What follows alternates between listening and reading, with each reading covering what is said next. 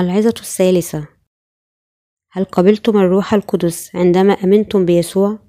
أعمال الرسل الإصحاح التاسع عشر الآية الأولى إلى الآية الثالثة فحدث فيما كان أبولوس في كورنثوس أن بولس بعدما اجتاز في النواحي العالية جاء إلى أفسس فإذا وجد تلاميذ قال لهم هل قبلتم الروح القدس لما أمنتم؟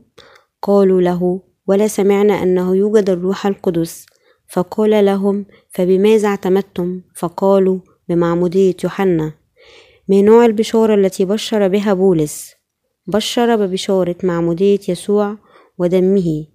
يقول أعمال الإصحاح التاسع عشر الآية الأولى إلى الثانية فحدث فيما كان أبولوس في كورنثوس أن بولس بعدما اجتاز في النواحي العالية جاء إلى أفسس فإذا وجد تلاميذ قال لهم هل قبلتم الروح القدس لما أمنتم؟ إلا أن هؤلاء الناس قد آمنوا بيسوع بينما تركوا معنى معمودية يسوع لم يكن يعرفون البشارة الحسنة التي تقود إلى سكن الروح القدس داخلهم لهذا السبب بدأ سؤال بولس هل قبلتم الروح القدس لما أمنتم؟ غريبا تماما لبعض التلاميذ في أفسس وربما سألهم آخرون هل أمنتم بيسوع؟ لكن بولس سأل السؤال بهذه الطريقة غير المألوفة لكي ينالوا الروح القدس بواسطة تجديد إيمانهم بالبشارة الحسنة. كانت خدمة بولس أن يبشر بالبشارة الحسنة التي لمعمودية يسوع ودمه لقد شهد بولس وبطرس ويوحنا لمعمودية يسوع بواسطة يوحنا المعمدان دعونا نلقي نظرة على شهادة الرسل لبشارة المعمودية. أولا شهد بطرس شهد بولس حيشة نحن الذين متنا عن الخطية كيف نعيش بعدا فيها؟ أم تجهلون أننا كل من اعتمد ليسوع المسيح اعتمدنا لموته؟ رمية الإصحاح السادس الآية الثانية إلى الثالثة. ولأن كلكم الذين اعتمدتم بالمسيح قد لبستم المسيح غلطية الإصحاح الثالث الآية السابعة والعشرون. شهد بطرس الرسول أيضا لبشارة معمودية يسوع في بطرس الأولى الإصحاح الثالث الآية الحادية والعشرون إلى الثانية والعشرون قائلا الذي مثاله يخلصنا نحن الآن أي المعمودية لإزالة وسخ الله لإزالة وسخ الجسد بل سؤال ضمير صالح عن الله بقيامة يسوع المسيح الذي هو في يمين الله إذ قد مضى إلى السماء وملائكة وسلاطين وقوات مخضعة له. شهد يوحنا الرسول أيضا لهذه البشارة الحسنة في يوحنا الأولى الإصحاح الخامس الآية الخامسة إلى الثامنة. من هو الذي يغلب العالم إلا الذي يؤمن أن يسوع هو ابن الله؟ هذا هو الذي أتى بماء ودم. يسوع المسيح لا بالماء فقط بل بالماء والدم. والروح هو الذي يشهد لأن الروح هو الحق. فإن الذين يشهدون في السماء هم ثلاثة الآب والكلمة والروح القدس وهؤلاء الثلاثة هم واحد والذين يشهدون في الأرض هم ثلاثة الروح والماء والدم والثلاثة هم في الواحد. لعب يوحنا المعمدان دورا حاسما في إتمام البشارة الحسنة. يقول عنه الكتاب المقدس في ملاخي الإصحاح الثالث الآية الأولى إلى الثالثة ومتى الإصحاح الحادي عشر الآية العاشرة إلى الحادية عشر كان يوحنا المعمدان ممثل البشرية وهو إيليا المزمع أن يأتي بحسب نبوات العهد القديم في العهد القديم. كانت ذبيحة الخطية تسبح وتسفك دمها بعد إزالة خطايا الإنسان. بوضع يديه على الذبيحة أما في العهد الجديد فإن يسوع هو ذبيحة الخطية الذي محى كل خطايا العالم من خلال معموديته ومات على الصليب ليدفع أجرة الخطية. لقد خلص يسوع البشرية لأن يوحنا المعمدان نقل إليه كل خطايا العالم من خلال المعمودية في نهر الأردن. قام الله بتدبير عملين عظيمين لكي يخلص البشر من خطاياهم وأتمهما. كان الأول أن يرسل يسوع إلى هذا العالم من خلال جسد العذراء مريم ثم أن يعتمد ويصلب ليزيل كل خطايا العالم. كان العمل الثاني هو ترتيب ولادة يوحنا من أليصابات دبر الله وقوع هذين الحدثين لكي يخلص البشر من خطاياهم. هذا هو العمل الذي دبره الله في الثالوث. لقد أرسل الله يوحنا المعمدان إلى هذا العالم قبل يسوع بستة أشهر. ثم أرسل يسوع مخلص البشر إلى هذا العالم ليحرر البشر من الدينونة على خطاياهم. شهد يسوع ليوحنا المعمدان في متى الإصحاح الحادي عشر الآية التاسعة لكن ماذا خرجتم لتنظروا؟ أنبيا نعم أقول لكم وأفضل من نبي. فوق هذا لما رأى يوحنا المعمدان الذي نقل جميع خطايا العالم إلى يسوع يسوع في اليوم التالي شهد له قائلا هوذا حمل الله الذي يرفع خطية العالم؟ يوحنا الإصحاح الأول الآية التاسعة والعشرون. هناك إشارات كثيرة يسجلها الكتاب المقدس عن يوحنا الذي عمد يسوع وينبغي أن نجتهد كي نعرف المزيد عنه. جاء يوحنا المعمدان إلى العالم قبل يسوع. كان دوره أن يتمم البشارة الحسنة التي رتبها الله. يقول الكتاب المقدس أن يسوع قبل من يوحنا جميع خطايا العالم وأن يوحنا وضع جميع خطايا العالم على يسوع ليتمم مشيئة الله. نسميه يوحنا المعمدان لأنه عمد يسوع ما المعنى الحقيقي لمعمودية يسوع من يوحنا. كلمة معمودية تدل على الغسل بما أن جميع خطايا العالم انتقلت إلى يسوع عن طريق معموديته فقد تم الاغتسال منها وإزالتها. كان لمعمودية يسوع المعنى نفسه الذي كان لوضع اليدين على ذبيحة الخطية في العهد القديم. أما المعنى الروحي للمعمودية فهو نقل أو غسل أو الدفن. كانت معمودية يسوع من يوحنا عمل فدائي لمحو خطايا كل الناس في العالم. معمودية يسوع تحمل الدلالة نفسها التي تحملها عملية وضع الأيدي وهي الوسيلة التي يتم من خلالها نقل الخطايا إلى ذبيحة الخطية في العهد القديم. بمعنى أن شعب إسرائيل نقلوا خطاياهم السنوية إلى ذبيحة الخطية في يوم الكفارة عن طريق وضع رئيس الكهنة يديه على الذبيحة. هذه الذبيحة في العهد القديم كان لها الوظيفة نفسها التي لمعمودية يسوع وموته على الصليب. عين الله يوم الكفارة ليمحو فيه خطايا الإسرائيليين.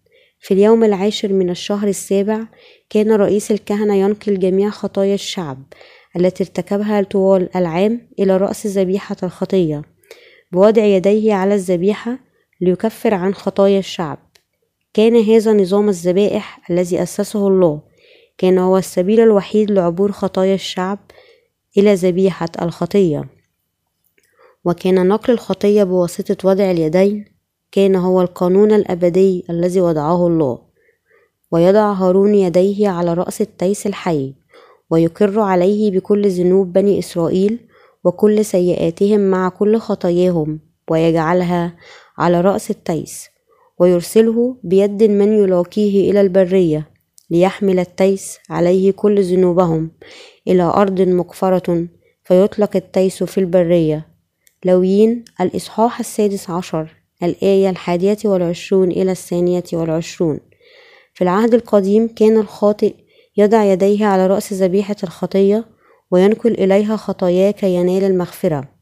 وفي يوم الكفارة كان هارون رئيس الكهنة نائبا عن كل الإسرائيليين يضع يديه على رأس الذبيحة لينقل إليها خطايا إسرائيل ثم يتم ذبحها بعد أن توضع عليها خطاياهم. إنه يحمل المعنى الروحي نفسه الذي تحمله المعمودية.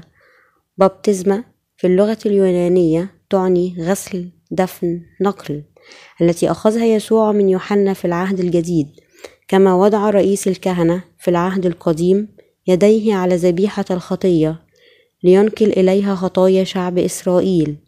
كذلك كل خطايا البشر انتقلت إلى يسوع بواسطة معموديته من يوحنا المعمدان مات يسوع بعدها على الصليب ليكفر عن خطايانا هذه هي بشارة الحق الحسنة. كما قدم هارون رئيس الكهنة الذبيحة للكفارة نيابة عن شعب إسرائيل قام يوحنا المعمدان وهو من نسل هارون بالمهمة نفسها نائبا عن البشر وقام بتعميد يسوع وهكذا نقل إليه كل خطايا البشر. وصف الله هذه الخطة الرائعة لحبه في الكتاب المقدس في سفر المزامير المزمور الخمسون الآية الرابعة إلى الخامسة. كما يلي يدعو السماوات من فوق والأرض إلى مداينة شعبه أجمعوا إلى أتقيائي القاطعين ذبيحة. آمين. هللويا. يقول تاريخ الكنيسة أنه لم يكن هناك احتفال بعيد ميلاد المسيح في الكنيسة الأولى خلال القرنين الأول والثاني المسيحيون في الكنيسة الأولى وكذلك الرسل أحيوا فقط ذكرى السادس من يناير يوم معمودية يسوع في الأردن من يوحنا المعمدان لماذا أكدوا بشدة على معمودية يسوع في معتقداتهم؟